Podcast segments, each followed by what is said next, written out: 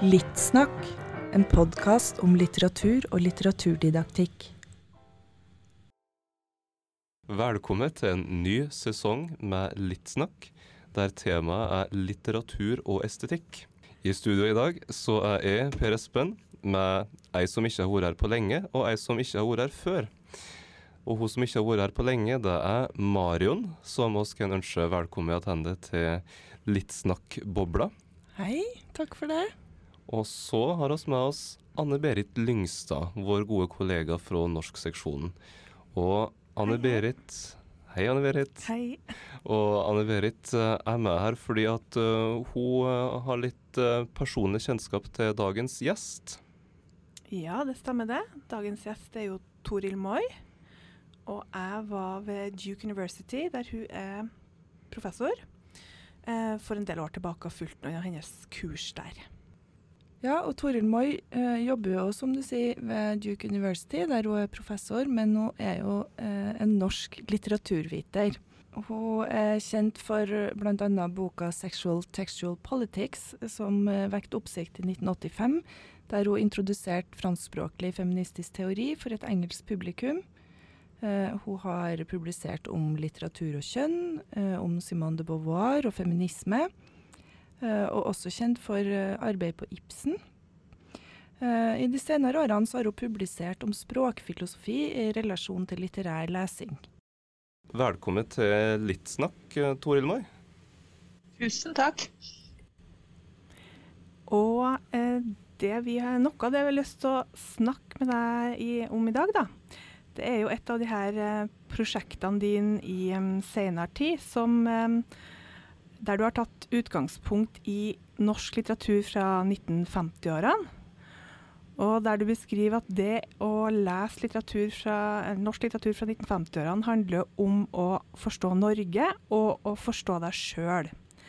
Som handler om kultur og liv på 50-tallet i Norge. Og der har du jo um, bl.a. Um, hatt foredrag om Ebba Haslund og Agnar Mykle og Jens Bjørneboe. Og filmregissør er Edith Kalmar. Eh, og Torbjørn Nedreås. Og romanen av 'Måneskinn gror det ingenting'.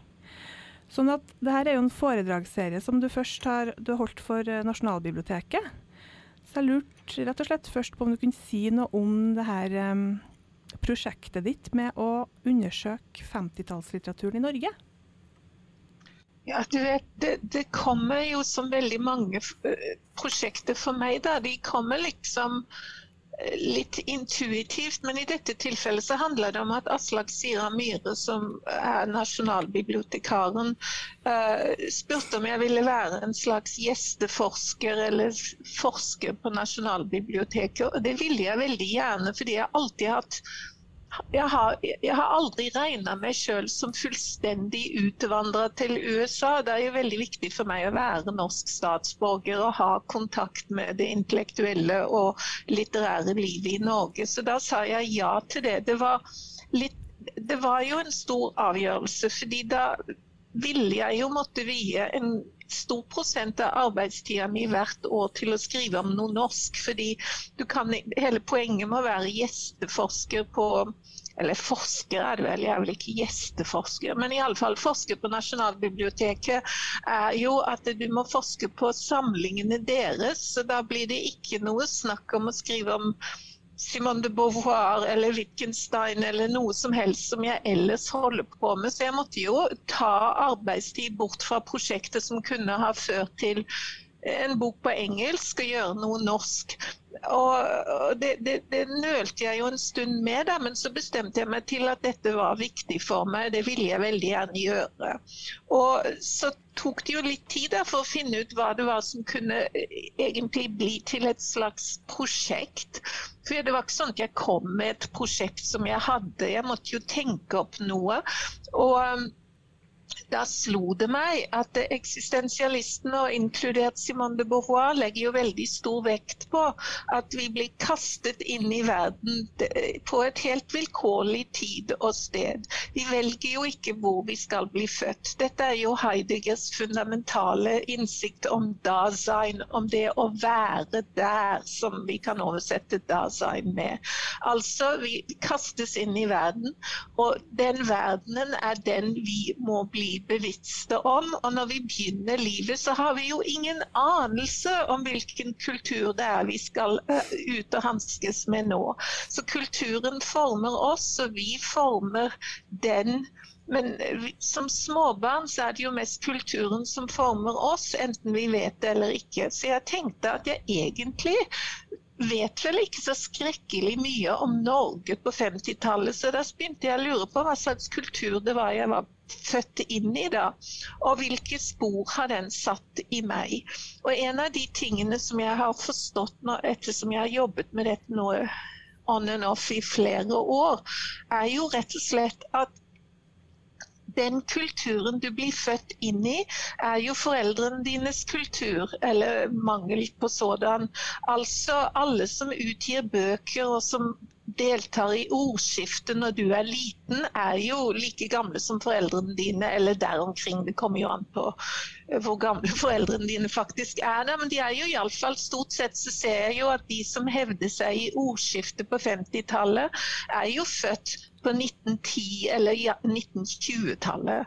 De, de er jo ikke min alder. Og så ser jeg, og dette er noe som egentlig er helt åpenbart, men som en likevel ikke forstår før en virkelig opplever det, så ser jeg at de sporene av 50-tallet som jeg hadde i meg, de kommer opp og fram på 70-tallet, da jeg blir voksen. For det er da vi gjør opprør mot de føringene som blir lagt på i vår barndom. F.eks. kvinner kvinnebevegelsen var jo helt avgjørende for meg. og jeg men jeg husker jo at jeg leste Bjørneboes 'Jonas' f.eks. helt uten å se at den også er sexistisk f.eks. Men det skjønner jeg på 70-tallet, og dermed så blir det ofte til at en forkaster den kulturen en kommer fra. Og så blir det sånn at 20-30 år etterpå så har jeg ikke forstått den egentlig. Jeg vokste opp i den, og så forkaster jeg mye av den, for det gjør man når man er ung. Og så tenker jeg på andre ting, og så skjønner jeg at hei, dette er jo mye viktigere enn jeg trodde. Så sånn kom det prosjektet til, og jeg har fått veldig mye ut av det. Og føler at jeg ennå har iallfall en par-tre ting jeg vil utforske. Og man blir jo aldri ferdig. Det, det er jo et helt univers å utforske et tiår, eller etterkrigstiden fram til 1960 da, i Norge. Så det blir jo bare det, Kriteriet for å velge hva jeg vil snakke om, er det som slår meg som interessant. For det må jo være relevant gitt prosjektet. Mm. Et av de her eh, universene, eller tekstene i hvert fall, som du kasta deg inn i, var jo eh, Torbjørn Nederås sin 'Av måneskinn gror det ingenting', som resulterte i et eh, foredrag på Nasjonalbiblioteket i juni 2020, og som nå også foreligger i bokform, altså foredraget i sin helhet, i en veldig fin eh, eh, foredragsserie. Um, kan du kort litt si noe om hvilken tekst er 'Måneskinn gror det ingenting' av Torbjørn Nedreås til dem som ikke kjenner den fra før? Altså, den er jo blitt uh, kalt Norges første abortroman. Og det er jo den viktigste kan man si, beskrivelsen av den. Den handler om en, uh, til å begynne med en ung kvinne som uh, tar ulovlig og hemmelig abort. Flere ganger, faktisk. Og det var det jo ingen som hadde beskrevet og skrevet om med slik eh, innsikt og medfølelse som Nedreås hadde gjort. Og så er det jo viktig å, å, se at den også er en slags melodramatisk kjærlighetsroman. At det handler om en kvinne, en arbeiderklassekvinne, som uh, ei ung jente som er flink på skolen og forelsker seg i læreren, men læreren syns jo ikke at hun er god nok for ham, så det blir til et slags hemmelig forhold som fører til disse abortene. Men kvinnen er håpløst forelsket i denne læreren, og gjennom et liv fram til hun er 38 år gammel, så så henger hun fast i ham. Og det fører jo bare til fordervelse, aborter. Og hun gifter seg med en annen f.eks., men da begynner hun likevel forholdet med denne læreren om igjen. Så eh, det er en slags grusom kjærlighetsroman også, som bygger på, etter mitt syn, da, en slags myte om at det finnes den eneste rette. Og dessverre så er det denne forferdelige Johannes som er den eneste rette for denne unge jenta. Og um, så er det kanskje den siste tingen jeg skal si om denne romanen. Det er jo at den har en komplisert fortellersituasjon. Det er denne kvinnen som nå er dødssyk, muligens av kreft, som hun tror kanskje hun har fått pga. disse farlige abortene. Hun, er, hun skal dø, men hun møter da en mann på jernbanestasjonen i denne byen. som Hun blir med ham hjem, og så forteller hun ham sin historie gjennom en natt.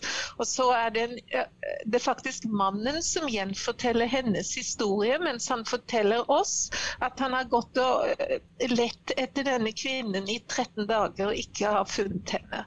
Så det, det, er liksom rammefortellingen.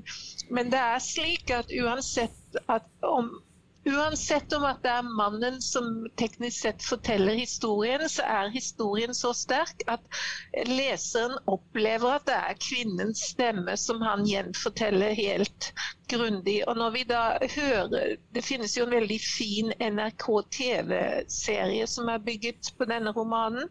Og der er det også ikke noe sånn mellomlag med en forteller. Og så vil jeg også anbefale lydboken, for den er lest av Gjøril Mauseth og er fantastisk medrivende. Ja, og den eh, lydboka den er jo noe av det du åpner å snakke om nettopp i, denne, i det her foredraget ditt om eh, av Manersen gror det ingenting. Og denne arbeiderklassekvinnas lidelseshistorie. Um, du beskriver jo også at du altså, hvor vanskelig det er å lese rett og slett denne boka. Det kan jeg jo kjenne meg veldig igjen i. Det er en veldig opprivende bok som er både vanskelig å lese, men også vanskelig å, å snakke om og undervise om. Um, og dermed så har du en ganske sånn personlig inngang da, i denne analysen din. Um, hva tenker du er målet og verdien av å spille sånn på en personlig reaksjon i møte med en litterær tekst? Så jeg mener jo at litterære tekster er skrevet for å skape en personlig respons. Det er jo det litteraturen skal gjøre. Det er jo på en måte fullstendig kunstig å late som at eh, litteraturvitere, som jo skal være eksperter på litteratur, ikke har noen personlig respons. Det blir bare absurd for meg. Så jeg syns jo at eh, det er all grunn til i møte med en tekst som denne. Det er jo ikke alle romaner som påvirker en så sterkt. Det var jo noe påfallende med dette. Altså, Hvorfor var det så tungt for meg å komme gjennom denne lidelseshistorien? Fordi jeg var samtidig sint på personen og følte ekstrem medfølelse, og samtidig ble helt opprørt over denne grusomme mannen. Og det tror jeg faktisk er en styrke med romanen. og det vil jo være helt vanvittig å fremstille denne romanen av alle mulige romaner som en slags jeg vet ikke, en, en, en nøytral skildring eller noe sånt. Det er jo ikke slik den er skrevet. Så jeg føler jo at å, med å legge vekt på de responsene Det, det ville jeg ikke gjort hvis de hadde vært mer sånn alminnelige, men altså, de var så sterke, og det føler jeg er noe romanen skaper. og Jeg tror ikke jeg er den eneste. Det er Noen må sørge for å, å, å tenke over det, at det er mine responser helt unike her. Om de så hadde vært det, så måtte jeg jo likevel utforske dem. Eh, for det er jo de eneste responsene jeg har. ikke sant? Mm. Du kan ikke lese en roman og, og, å late som om du er en annen person når du blir litteraturviter. Altså, litteraturvitere må jo bygge på de innsiktene og følelsene romanen gir dem. så det jeg synes på en måte at I dette tilfellet så var det et forsøk på å vise at romanen virkelig er helt ekstremt hva skal man si, det er overveldende. Det, det er jo normalt en styrke med en roman. da. Mm. Og så ble jo den her eh, Du forkorta jo den her, eh, det her foredraget og publiserte også i Morgenbladet samme år, i juli 2020. Og der ble det jo en, eh, en um, debatt i etterkant. Altså det var flere som reagerte på lesemåten din. Det ble egentlig både en debatt om romanen og litt om litteratur, hva litteraturvitenskap kan eller har vært eller skal være. Um, men kanskje først og fremst på Eller som du skrev i et av tilsvarene, for at de først og fremst reagerte på lesemåten din. Hva tror du det var med den lesemåten som um, enkelte reagerte på? Jeg tror jo at de, altså Sånn som jeg forsto den debatten, som jeg egentlig ikke forsto i det hele tatt, så, så, så, må det jo ha gått på at jeg ikke skulle ha sagt noen ting om hvordan jeg opplevde romanen. Men enhver som leser både Morgenblad-artikkelen, og, og, særlig de som leser hele den veldig sånn korte boka eller pamfletten som foreligger på Nasjonalbiblioteket, vil jo si, se at det er et avsnitt eller to til å begynne med, og resten er jo fullpakka av seriøs litteraturvitenskapelig og litteraturhistorisk forskning. Men her og der så tillater jeg meg å knytte øh, sammenhenger til mine egne erfaringer. F.eks. så er det jo interessant at Torborg Nedreåses roman helt klart foregår på Stord. Og at min mors familie bodde på Moster. Og Min bestefar var gruvearbeider som noen av disse arbeiderne i, som, som denne jenta sin familie er også.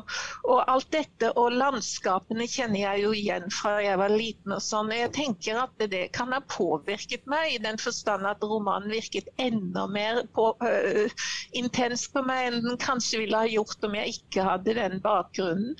Men det er jo alt sånt har jo kanskje en side i en veldig ellers veldig veldig tenker jeg, grundig litteraturvitenskapelig og historisk eh, lesning av romanen.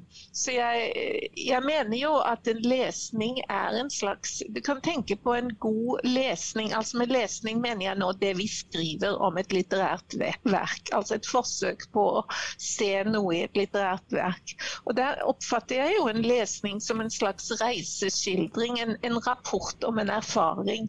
Men erfaringen min er jo formet av ikke bare av det rent personlige, men også av et langt liv som litteraturforsker. Så jeg har jo, eh, syns jeg, ganske god greie på realisme og modernisme og fortellerteknikk og alt sånt. Og alt det foreligger jo i teksten. Så jeg skjønner jo ikke egentlig hva det var som var så opprørende med min lesning. Eh, egentlig så er det fremdeles et mysterium for meg, men jeg tenker at om det er noe som virker opprørende, så må det være at jeg ikke leser spesielt formalistisk. Jeg diskuterer form, men jeg gjør ikke formen til det overordnede interessante elementet. Da. Jeg snakker jo faktisk om hva romanen forsøker å få fram og sånt. da. Mm -hmm. Du utfordrer jo på et vis en del dogme i litteraturvitenskapen, kan en kanskje si, når du legger vekt på nettopp den personlige reaksjonen. Og jeg syns jo at du, når du beskriver det å eh, formulere ei lesing, eller å eh, ja, formulere ei, lesing av, ei tolking av en roman som ei reiseskildring, så det er et veldig slående bilde. Um, som jeg, jeg, tror at uh, og kan ha noen gode Hva skal man si Det kan være en, en god tankefigur for studenter, tenker jeg. Å tenke på at en lesing skal være en slags rapport fra en erfaring. Du forteller om et eller annet du har opplevd. Men uh, så har jo du da òg opplevd at uh, den måten å tenke om litterær lesing på kan være provoserende for enkelte. Og det er jo, det er jo interessant at uh, den lesemåten skal vekker så mye motstand hos enkelte? Det er jo egentlig ikke altså Jeg tenker jo egentlig ikke at det er en veldig spesifikk lesemåte. fordi det som slår deg når du leser en tekst, den, det blir jo din erfaring av teksten. Og du kan jo være veldig opptatt av form, f.eks. Så er det jo helt greit at din reiseskildring legger vekt på det. Men jeg tenker jo at en virkelig god reiseskildring er skrevet av en person som er veldig flink til å utvise oppmerksomhet overfor det de ser. Altså, det er jo forskjell på en overfladisk dum og banal reiseskildring og en virkelig god en. Og det kommer jo Da tenker jeg at man trenger å være oppmerksom. Og så blir de beste reiseskildringene ofte skrevet av folk som virkelig har satt seg inn i det området de reiser i. da. Så de forteller oss om levekårene der, og de vet en masse om politikken og kulturen som de ikke pushe på deg. De skriver jo ikke historie i den forstand, men de bruker det slik at du skjønner de elementene de legger fram mye bedre. Så jeg, jeg føler jo på en måte at uh, det, det, ikke finnes noe ikke-litteraturvitenskapelig i den, i den artikkelen eller miniboka mi. Da. Det, det, jeg syns det er helt helt typisk litteraturvitenskap, men en som er skrevet da med en virkelig interesse for to ting. Nemlig virker, hva er det som gjør at den boka virker så opprørende. Og jeg tror at en annen ting som gjorde at, at noen reagerte på teksten min, var at jeg viser at Torborg Nedreås, som jo var kommunist og skrev ut fra et klassesynspunkt om at arbeiderklassens kvinner tvinges til å bære fram barn pga. fattigdom fattigdom og nød og, og grusom klasseutbytting og sånt. Hun var jo faktisk ikke feminist 19, i 1949. Og hun hadde veldig ambivalent syn på abort og dette med å være gravid. Og jeg, det er jo ingen tvil om det. Hun sier det jo til og med på 1970-tallet. Da går hun inn på, for selvbestemt abort, men det var ikke det som var poenget i denne romanen. Poenget hennes var på en måte, hun, hun var en slags 1930-talls-vitalist. Hun tror på livet med stor L, og at et svangerskap er en slags uh, unik, livgivende opplevelse. Sånn at det hun er for, er at alle skal kunne bære fram barn i gode økonomiske kår og uten skam og uthenging. Og det kan vi jo være veldig for. Jeg bare sier at det ikke er helt det samme som et feministisk synspunkt som bygger på frihet. For da vil det gå inn for at alle skal selvsagt kunne Du kan være enig med Nedreås, men du vil legge til at kvinner selv må få bestemme uh, sine egne reproduktive valg. Og Det er jo det er en forskjell på det. Så jeg tror det var noen som gjerne ville at Nedreås skulle være et slags feministisk ikon som ikke helt likte at jeg la fram at hun var faktisk ikke helt på linje med det som ble 70-tallets feminisme, og heller ikke med dagens uh, vekt på reproduktiv frihet. Sånn at um, det, det, er jo en historisk forskjell. Og så var det jo noen som rett og slett ikke likte at jeg legger fram det jeg ser som helt åpenbart i romanen. Et slags syn på den store kjærligheten som en slags fatal hendelse som kommer over en og som en aldri kan gjøre seg fri fra. Det er jo absolutt ikke snakk om noe serielt monogami eller sånn Tinder-app eller noe sånt. Her, her er det liksom den ene, den store osv. Og, så og det var en fantastisk viktig ideologi på 50-tallet som strakte seg langt inn på 60- og 70-tallet. Det vokste jeg opp med. Liksom å vente på Prince Charming eller noe sånt. Det, det var jo helt påfallende. Det ligger der i den romanen også. Så jeg, jeg tror nok at det, bare med å påpeke at uh, dette kunne ha virket kontroversielt, men det virker ikke ikke-litteraturvitenskapelig. Det er jo en lesning av litteraturen. Og så er det én ting til, da, at jeg legger vekt på at eh, jeg kalte jo boka mi 'kjærlighetstortur'. Fordi denne kjærligheten blir jo den rene torturen. Og eh, jeg ble veldig glad da Sissel Gran, den veldig fine psykologen, skrev en veldig lang artikkel i Morgenbladet sånn rundt juletider det året, tenker jeg, der hun skriver om at hun også ble helt perpleks over de de, den kritikken av min bok her. Fordi det er jo sant at kjærligheten her legges fram som en slags smertefull, horribel opplevelse. Og hva er det som gjør at vi da blir altså Sissel Gran kaller det jo noe hun selv har skrevet om, nemlig at denne jenta er hekta på denne mannen på en måte som man ikke kommer fri fra. Og um, jeg synes jo hennes lesning er helt kompatibel med min. Og jeg skjønner fremdeles ikke at dette ikke er litteraturvitenskap, så det må jeg jo bare Slik er det bare. Kanskje det har Det er jo veldig mange grunner til at folk føler seg utfordret av en lesning.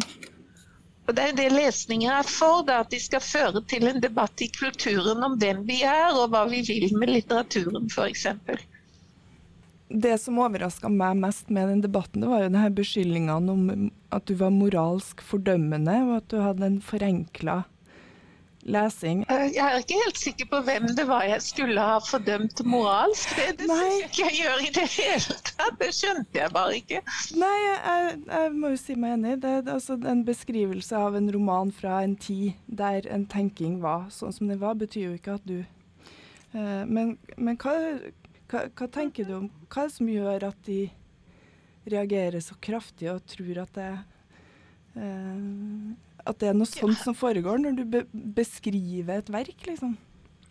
Altså for det første så er jo Beskrivelse har jo vært litt upopulært i litteraturvitenskapen. Men en beskrivelse er jo å vise hva jeg ser, og ikke og, og forsøke å se om du, du, kan se det også. Og om du ikke klarer å se det, så har vi en debatt gående. Men det interessante med den debatten der var at de slett ikke viste altså Jeg syns det var så påfallende. Jeg fikk aldri De viste jo ikke med noen sitater hvor det moralsk fordømmende var. altså alt sammen sammen var liksom Dette er mitt inntrykk.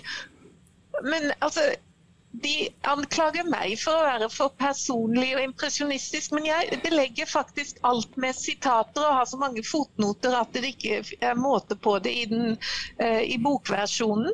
Jeg ble jo kritisert for ikke å ha forsket fordi jeg ikke har fotnoter i en avisartikkel, men det, jeg, det ville jeg aldri fått lov til.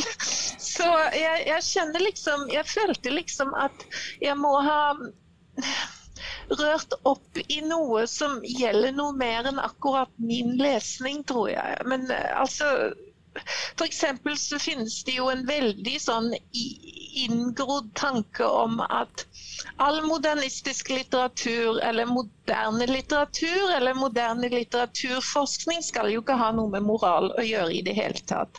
På, på 1800-tallet så hadde vi jo den idealistiske uh, litt, litteratursynet, og det mente jo at det, det sanne, det skjønne og det gode var ett.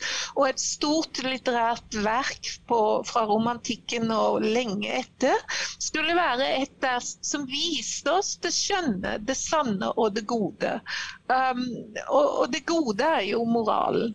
Det skjønne er estetikken, og det sanne er vel innsikten om hvordan verden er. Og de skulle være ett. Dermed så ble jo naturalismen så forferdelig kritisert fordi den var stygg, den var uskjønn, og dermed så kunne den ikke være kunst. Det sa man jo om f.eks. Ibsens gjengangere ble jo forkastet som ikke-kunst fordi den ikke var vakker. Um, så dette er jo sånn at det, no, siden ja, i, i, snart 100 år så har jo litteraturvitere ment at det er veldig vesentlig å fri seg fra moralistisk syn på litteraturen. At litteraturen skal vurderes estetisk, og den ikke skal vurderes etisk. Og Det interessante med det, syns jeg, er jo at istedenfor etikken så har vi egentlig de siste 50 årene smuglet inn politikken. Altså, Vi får lov til å vurdere litteraturen politisk, og om den er politisk korrekt osv., men vi får ikke lov til å si noen ting om det etiske. Og det er det tror jeg faktisk For det første så har jeg alltid vært en politisk leser sjøl, så jeg har ikke noe imot det. Jeg bare påpeker at det er ikke 100 mil fra å si noe politisk om en tekst og si noe etisk om en tekst. Men nå er det slik at jeg faktisk ikke sier noe særlig moralistisk eller etisk om denne teksten. Det er vel mer politisk omkring abort osv. Men jeg, jeg, fordømmer heller ingen, så jeg skjønner ikke dette i det hele tatt. Ja. Jeg tror ikke at uh, Noe av det interessante med det du trekker opp her, er at uh, det går på et vis rett inn i en debatt som stadig dukker opp om uh, hva slags tekster som skal leses, og om det er tekster som er uegna. Altså, en har jo f.eks. Hamsun-problemet her til lands. en hadde akkurat en debatt om uh, Maus, den grafiske romanen til Art Spiegelman, som en del mener gir et, et, støytende bilde av holocaust. Akkurat i dag i Norge så starta det en debatt om en sangtekst av Tix, som en del mener handler om uh, forherligelse av selvmord. Uh, så altså, disse diskusjonen om at tekster som tar opp støytende tema eller utfordrer oss moralsk, at de er uegna, at de ikke bør leses, at de ikke bør inn i skolen eller i Eh, litteraturvitenskapen på universitetet, den, den kommer jo uh, med jevne mellomrom opp. Um, og så lurer jeg på, er det, er det, et slags idealistisk litteratursyn som holder på å komme tilbake, eller hva, hva tror du om det? Altså, det er jo litt interessant at den sånn modernistiske og postmodernistiske formalismen i litteraturvitenskapen da, altså jeg, jeg, vil gjerne understreke, jeg mener jo at alle litteraturvitere må lære om litterær form. Du må jo kunne si noe om fortellerstemmer og plott og begynnelse og, og midte og slutt. og du må, du må, jo ha greie på det. Det er en del av den erfaringen vi trener oss opp i når vi lærer oss å bli litteraturvitere. Men å være formalistisk er å mene at det, formen er det vesentlige i, i forhold til f.eks. For det som man da har nedvurdert som innholdet. Det er jo helt klart at det finnes ikke noe innhold uten form. Det, det ligger jo i sakens natur. Hvordan skulle det bli form, det estetiske, betyr jo det sansbare, det som man kan se og ta på og osv. Det er jo klart at enhver tekst har en form, men det har kanskje vært en tendens til å ikke ikke diskutere ting som etiske implikasjoner. Men så har jo politiske implikasjoner lenge blitt framstilt som formelle. Altså at man får the politics of form, uh, formens politikk. Jeg husker jeg leste sånn skjellsettende artikkel for tusen år siden da jeg var veldig ung, der det handlet om hvordan iambic pentameter, altså Shakespeares femfotede jamber, at de var et uttrykk for autoritært monarki på 1700-tallet. Og det tenkte jeg liksom, dette er helt jeg ble veldig imponert over den artikkelen, for det ville jeg aldri komme på å tenke, tenkte jeg. Men samtidig tenkte jeg vel, Ok, Betyr det da at ethvert dikt skrevet på femfotete jamber må nå være et uttrykk for autoritet? Det er jo det som blir problemet. da. Hvis formen tar overhånd, så uh, stryker man ut forskjellen på en sonette for eller mot kongedømmet, om det fantes slike på den tiden. Så det jeg vil si da om etikk og politikk osv., er at litteraturen har alltid stimulert slike debatter på forskjellige måter. Og jeg føler jo ikke at litteraturvitenskapen bør være det stedet der de er forbudt. Altså, vi må jo kunne, Men jeg føler jo at litteraturvitere skal kunne være lærde og veltrente, slik at de kan sette slike omdiskuterte verk eller dikt eller hva det er, inn i en sammenheng og forsøke å forstå hvor debatten kommer fra, hva, hva slags type dikt dette er. Men men sånn at eh, vi burde jo eh, kunne begynne med å anerkjenne at vi også føler oss opprørt over noe, om vi gjør det, da. Men det er jo ikke den eneste tingen en, litter, en, en litteraturviter skal si om det. Det, jo, det, det ville jo vært det samme som om jeg hadde sluttet den lille boken om om Nedreås etter én side da, si at denne boken opprører meg, så nå er jeg ferdig med den. Eh, det, det, det er jo ikke litteraturvitenskap, ikke sant. Så jeg føler jo at det, det må være interessert i etiske og politiske debatter som lages av tekster, er jo ikke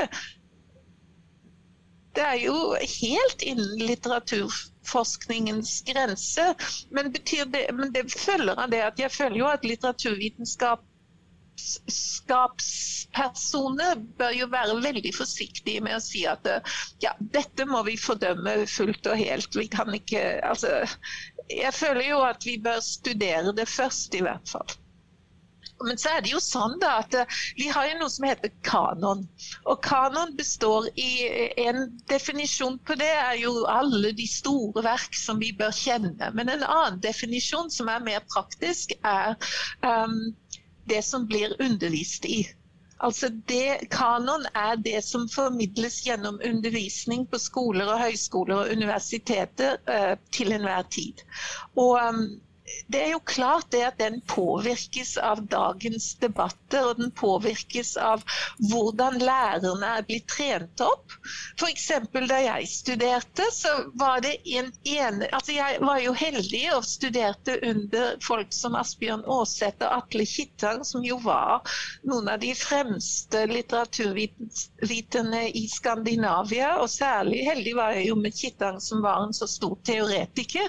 Men samtidig så er det jo klart det at de var formalister og post, altså sånn senmodernistiske altså formalister på sin hals. så de elsket Beckett og Celan og alle sånne norske poeter og prosaskrivere som følger i den, den, det kjølvannet.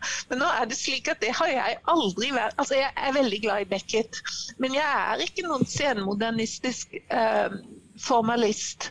Og men jeg tok for gitt at det var det vi måtte lære om vi skulle bli litteraturvitere. Og så tok det meg kanskje 20-30 år før jeg kom fram til en annen måte å skrive på som er mer uttrykkende for hva jeg er opptatt av. Da. Så um, jeg føler jo at når det gjelder slike debatter, så kan det være alle slags grunner til at en lærer ikke velger å ikke ta med i undervisningen en viss tekst. Det kan være alt fra at jeg orker ikke å ta all den krangelen som kommer til å komme fra foreldrene. Det kommer jo an på hvilket trinn du underviser på. Eller denne teksten er så kontroversiell at den bør vi kanskje ikke ta for oss på en skole, men den passer bedre på et universitet, eller et eller annet sånt. Men praksisen blir jo da at den, de som samarbeider om å lage pensumliste, eller de som velger hva de skal faktisk undervise i, blir jo de så å si dørvokterne i praksis. Da. Det er jo de som legger ned eh, malen for hva som skal studeres og bli eh, verdsatt. Og, det, er det, jo ikke, det finnes jo ikke noe vanntett skott mellom det rent litterære og det personlige og det offentlige og det politiske der. Vi, vi, må jo alle velge som de personene vi er, da. Absolutt. Og en del av det du forklarer nå, da har du jo også skrevet en del om i ei bok som jeg syns oss bør nevne, som heter 'Revolution of the Ordinary', som kom for uh, ja, allerede en fem år siden, tror jeg. Men uh, som oss bl.a. har brukt et utdrag fra på pensum for studentene våre. Et kapittel som heter 'Nothing is hidden'. Og nå har vi jo prata litt om hvordan du har Eh, utfordra litteraturvitenskapen, eller iallfall skapt debatt i, i litteraturvitenskapen i Norge. Uh, og da er det òg litt interessant at uh, akkurat den boka, eller det kapitlet som vi brukte et utdrag fra, det vekket også litt debatt blant studentene våre. fordi der beskriver du jo en slik lesemåte der du eh, griper fatt i det du Eh, det du legger merke til, det du blir nysgjerrig på i en litterær tekst, og så skisserer du at du skal stille eller at en måte å tilnærme seg det på, er å stille et 'why this?'-spørsmål. Hvorfor gjorde forfatteren dette? Iallfall så var det en del studenter til oss som oppfatta det som at dette der ville innebære å gå tilbake til å spørre om forfatterens intensjon. Altså hvis du skal spørre 'why this', så spør du jo på et vis hva har forfatteren tenkt her? Um, og da vet jeg ikke, hva, hva ville du ha svart til en student som var bekymra for at det er en forfatterintensjon du er på jakt etter? For det første så skriver jeg om forfatterintensjonen i jeg tror det er det nest siste kapittelet i den boka, altså det neste kapitlet. Fordi Der tar jeg jo opp et dogme i litteraturvitenskapen som er at det alltid er forbudt å skrive om forfatterintensjonen. Det må vi ikke spørre om. Det er jo en teori som går tilbake til nykritikerne i USA etter annen verdenskrig, Wimsett og Beardsley. Og så kom den opp i en ny versjon med poststrukturalistene, da, forfatterens død osv., særlig med Roland Barth. Og um, det interessante med det er Det er to måter å svare på, svare, eh, på, på, spørsmålet ditt på. For det første så er det faktisk i de fleste tilfeller absolutt null forskjell på å spørre hva ville Shakespeare Hvorfor har Shakespeare Hvorfor lar han Hamlet nøle så lenge før han bestemmer seg til å gjøre noe? Det er jo et velkjent spørsmål. Ja, så spør jeg da om noe som foregår i Shakespeares sjel, eller spør jeg om noe som stykket enten gir eller ikke gir svar på. Og for meg så er det helt klart at i de nesten alle tilfeller der du spør 'why this', så er ikke for det første så, så f.eks. hvorfor er det så mange referanser til fargen blå i denne romanen? Jeg aner ikke hvilken roman det skulle være, men altså um, da kan du si Spør jeg hvorfor forfatteren la inn referanse til blåfarge, eller spør jeg om hva blåfarge, hvilket arbeid blåfargen gjør i denne romanen? Svaret blir det samme uansett. Om, men på den annen side så har jeg ikke det minste lyst til å utelukke forfatteren. Det er mulig at forfatteren i et intervju en gang sa at ja, blåfargen for meg har alle disse litterære Det er romantikkens blå blomst osv. Da, da, begynner vi jo å tenke er det sant? Det betyr jo ikke at du tar det som en fasit for alt, men du begynner å tenke å ja, romantikken, ja. Ja, nei, se det. Det virkelig forklarer noe. Eller nei, det forklarer ingenting det, det, er jo uh, så, så, jeg føler jo at det virker veldig underlig å si at av alle de som har ment noe om en roman, så er det bare forfatteren som ikke får lov til å mene noe for litteraturvitenskapen. De kan jo lese alle slags tidlige vi, vi, vi, bør jo sette oss inn i forskningen, ikke sant? så vi leser hva alle andre har ment at blåfargen betyr den eneste som ikke har, får lov til å bli sitert, skal da være forfatteren.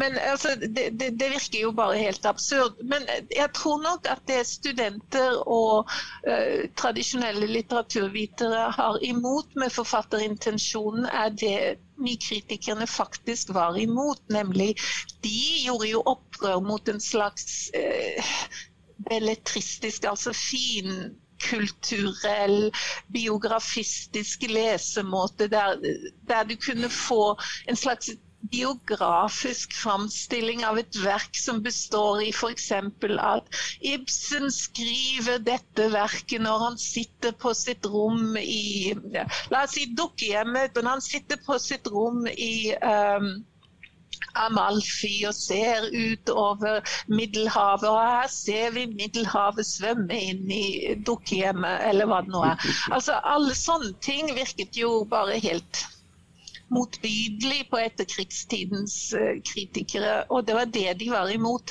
Nå, I min bok så skriver jeg om forfatterintensjonen. og Problemet med den generelle fordømmelsen av at vi må ikke spørre etter forfatterintensjonen, er at de rent filosofisk sett har et veldig underlig bilde av hva en forfatterintensjon er. Nemlig noe sånt noe som et lite verk, et miniverk som ligger inni hodet ditt, og som du har i hodet før du har skrevet en linje. Altså, hva ville du med denne romanen? Da, da kan hver forfatter bli ganske matt, fordi alle som skriver, vet jo at det er ikke slik en intensjon er. Du kan si ting som Jo, jeg hadde i grunnen lyst til å skrive en roman som foregår i Finnmark. Men så var det da tre års arbeid å finne ut hvordan jeg skulle få det til. Så på hvilket tidspunkt er det denne forfatterintensjonen skal komme inn og være en forklaringsmodell? Det, det, det, en intensjon er vanligvis noe vi leser av en handling. Jeg oppfatter et litterært verk som et resultat av en handling eller mange handlinger. Og det meste, for det, I størsteparten av tilfellene så er det verket selv som viser deg hva det vil med elementene sine. Det kan du se i verket. Og Hvis det er noe som fremdeles er myster fullt av mysterier for deg, så kan du gjøre all slags forskning, inkludert forfatterens uttalelse, og så får du se hva du får til. Men altså, det som folk er mot når de spør om forfatterintensjonen, det er liksom at forfatteren har et klart bilde av hva romanen skal være, som så nedfeller seg på papiret og på en eller annen måte. Men Mitt eksempel pleier alltid å være Flaubert, som skriver 'Madame Bovary'. Og Han skrev 'Madame Bovary' Det tok han seks år, og han skrev den hver setning om igjen tusen ganger. Var det sånn da at hvis han hadde denne forfatterintensjonen i hodet, hvorfor måtte han skrive setningene om igjen tusen ganger? Det er jo ikke sånn det fungerer. Altså, det er en vanvittig teori om hva en intensjon er, og dermed mener jeg at vi trenger ikke det, det er helt, altså, det er jo ikke noe vits i å kaste bort tid på enten å promotere en sånn teori eller å benekte den, for den sier ikke noe om hva en intensjon er og hvordan de fungerer i tekstene. Så jeg, jeg føler jo at de studentene som synes dette virker underlig, må tenke litt klarere over på altså, hvordan har du tenkt å finne svaret på dette. Altså, Hvis du spør 'why this', så jeg har jo ikke skrevet hvorfor ja, Mitt spørsmål er hvorfor dette? Det er ikke hvorfor gjør forfatteren dette? Det er hvorfor er dette elementet her? Og det kan du svare på på alle slags måter. Historisk, sjangermessig, formmessig, moralsk, politisk, estetisk. Mm. Og ved å eventuelt å se hva forfatteren har å si om dette på linje med andre litteraturvitere. For du skriver jo mye om også metode i litteraturvitenskapen i det kapitlet. Og senest i dag hadde jeg en samtale med en masterstudent om hva er metoden min når jeg skal skrive en litterær analyse. Og du eh, skriver jo litt om det. Har vi en litt, eh, metode i litteraturvitenskapen? Du kan svare. Jeg har tenkt på det etterpå. Jeg sier jo i boka at egentlig så har vi jo ikke det. Hver gang vi skal skrive sånne søknader om midler, så pleier folk å legge i vei om en teori når de skal skrive om metode.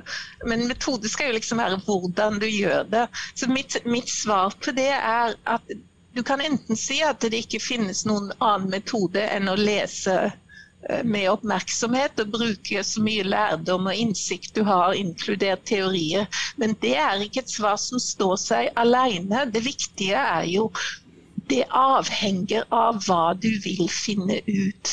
Og en ung student som er litt i villrede, er ofte egentlig, når de spør om metode, så mener de egentlig jeg aner ikke hva jeg skal gjøre med denne teksten. Så gi meg en teori som jeg kan bruke. Og det motsetter jeg meg jo alltid, da. fordi da, da, da, da, blir det slik at du lar teorien fortelle deg hva de viktige spørsmålene er, og så finner du de igjen i teksten. Og det er jo eh, greit, da, men det det sparer deg for den virkelige problemet som er hva syns du er interessant. Og Da er det klart at å være en god teoretiker eller en god filosof og en lærd leser er veldig hjelpsomt, for da har du flere spørsmål og flere muligheter. Men det er alltid spørsmålet du vil stille som avgjør metoden. Altså måten du går fram på, hvis det er metode, vil avhenge av hva det er du vil finne ut. Det er mitt grunnleggende syn. Og det vanskelige i ethvert prosjekt er å vite hva det er en vil finne ut. Hver gang jeg skal skrive en bok eller artikkel, så strever jeg vettet av meg med å finne ut hva dette egentlig handler om. Og, det er jo det vanskelige. Mm. Og når du vet hva det er du prøver å finne ut, så kan du også finne ut hvordan du skal gå fram og hvilke teorier du kan påkalle osv. Så, videre. så hvis det er riktig, så kan du si at det finnes uendelig mange metoder i litteraturvitenskapen, for det finnes uendelig mange spørsmål vi kan stille. Eller du kan si at det, det, ikke egentlig finnes noen annen metode enn å lese. Nå snakker jeg om å lage litteraturlesninger, det finnes jo mye annet en kan gjøre i litteraturvitenskapen. Mm. Det syns jeg var veldig betryggende ord å høre at selv du strever veldig lenge med å finne de her eh, spørsmålene. Det tror jeg mange studenter kan kjenne seg igjen i òg. Absolutt. Det er, jo, det er jo bare sant. Det er, det er det vanskeligste. Og så er det det at den ofte ender med å tro at den skriver om X, men så skriver den egentlig om Y. Og hvis du virkelig innser det, så kan du skrive en ny innledning og redigere, og så blir det mye bedre. Mm. Veldig godt uh, skriveråd, rett og slett. Mm. Mm.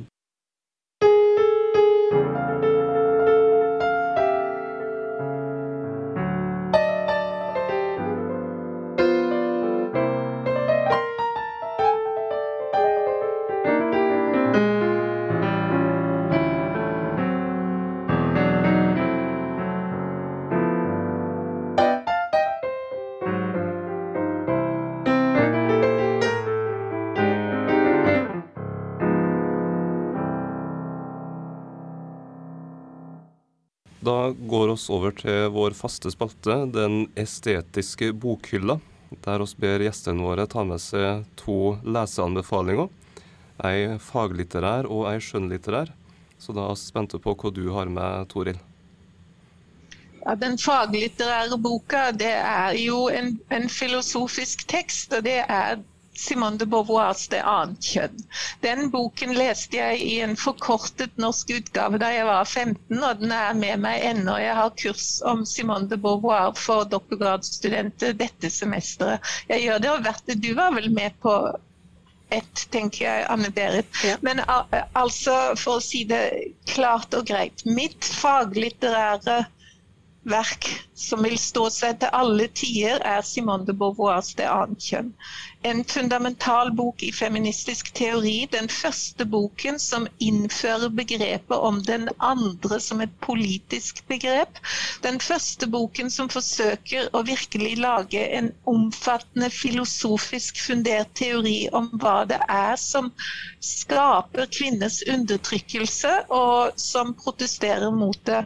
Den er full av innsikter som vi kan bruke i dag også. Men selvsagt så må de oppdateres i lys av det faktum at den ble skrevet for 70 år siden. Tusen takk. Og når, og når det gjelder skjønnlitterær bok, så har jeg faktisk tenkt på dette. Og det er fantastisk vanskelig, fordi jeg elsker å lese, og jeg leser stadig nye skjønnlitterære bøker som um, jeg da anbefaler intenst, helt til jeg har lest det neste, som jeg da anbefaler intenst. Så da blir jo tanken at kanskje jeg skulle anbefale en klassiker. og det har jeg tenkt å gjøre, men det er en klassiker som få i Norge leser. Men jeg var jo i min tid student, og jeg begynte med å studere fransk. Og en roman som Atle Kittang hadde seminar om veldig tidlig i mine franskstudier. For jeg syns jeg strevde enormt med denne teksten, som er en lang 1800-tallstekst. Nemlig den franske forfatteren Standals bok um, 'La Chartreuse de Parme'. Det, på norsk heter den uh, 'Kartusianerklosteret i Parma'. Og den er en helt suveren roman om den store romantiske kjærligheten. Om politikk og intriger og krig. Og den har også to av de mest spennende kvinnefigurene i fransk 1800-tallslitteratur. I det annet kjønn så har Simone de Beauvoir et avsnitt om fransk litteratur som hun leser som i, i, forhold til sine feministiske kriterier. Det er et veldig tidlig forsøk på feministisk litteraturforskning. Og den eneste forfatteren hun synes er helt OK, det er Standal. Og ikke minst Kartusianerklosteret i Parma. Fordi det har to kvinnefigurer. En som heter Clelia, som er den unge, romantiske kvinnen som uh, forelske seg i en person som dessverre må bli Munch av forskjellige grunner. Men så har du også hertuginnen av San Severine, som er en sånn energisk, eh, politisk maktkvinne, men også sjarmerende og sexy osv. Og, og Simone de Beauvoir skriver at det er vel ingen andre enn Standal som klarer å skrive kvinnefigurer som faktisk har energi og kreativitet, og som handler så flott som disse kvinnene i Cartusianerklosteret i Parma. Så jeg velger meg den, ja. Men jeg har jo mine tvil om at den kommer til å bli en bestselger i Norge akkurat med det samme. Men uh, altså, les den. Den er strålende. Og ja, så må jeg si en ting til om denne, denne romanen. For det jeg har sagt nå, overser jo noe av det som har gjort den helt viktig i litteraturhistorien. Den begynner nemlig med helten Fabrice som Clelia forelsker seg i senere. Han er, så, han er, en stor beundrer av Napoleon, så han, ver, han verver seg begeistret til å kjempe for Napoleon. Så han kommer seg fram til slaget ved Waterloo, som jo er et av de viktigste slagene i militær historie, og der Napoleon lider sitt endelige nederlag. Problemet er, og dette er jo en sånn premodernistisk eh, bravura-forestilling, Problemet er at Fabrice rider rundt på denne store sletta, og ser, av og til ser han døde folk, og noen ganger så slåss folk osv. Men etter å ha vært og virra rundt på Waterloo i to dager, så vet han ikke om han har vært med på slaget i Waterloo, eller hva det var han så i det hele tatt. Så det er jo helt strålende. Så Kartusianerklosteret i Parma. Tusen takk, Toril Moi, for at du eh, stilte til intervju med oss i Litt snakk. Ja, takk for at dere ville ha meg. Ha det bra. Ha det, ha det bra. Takk for praten. Takk for praten.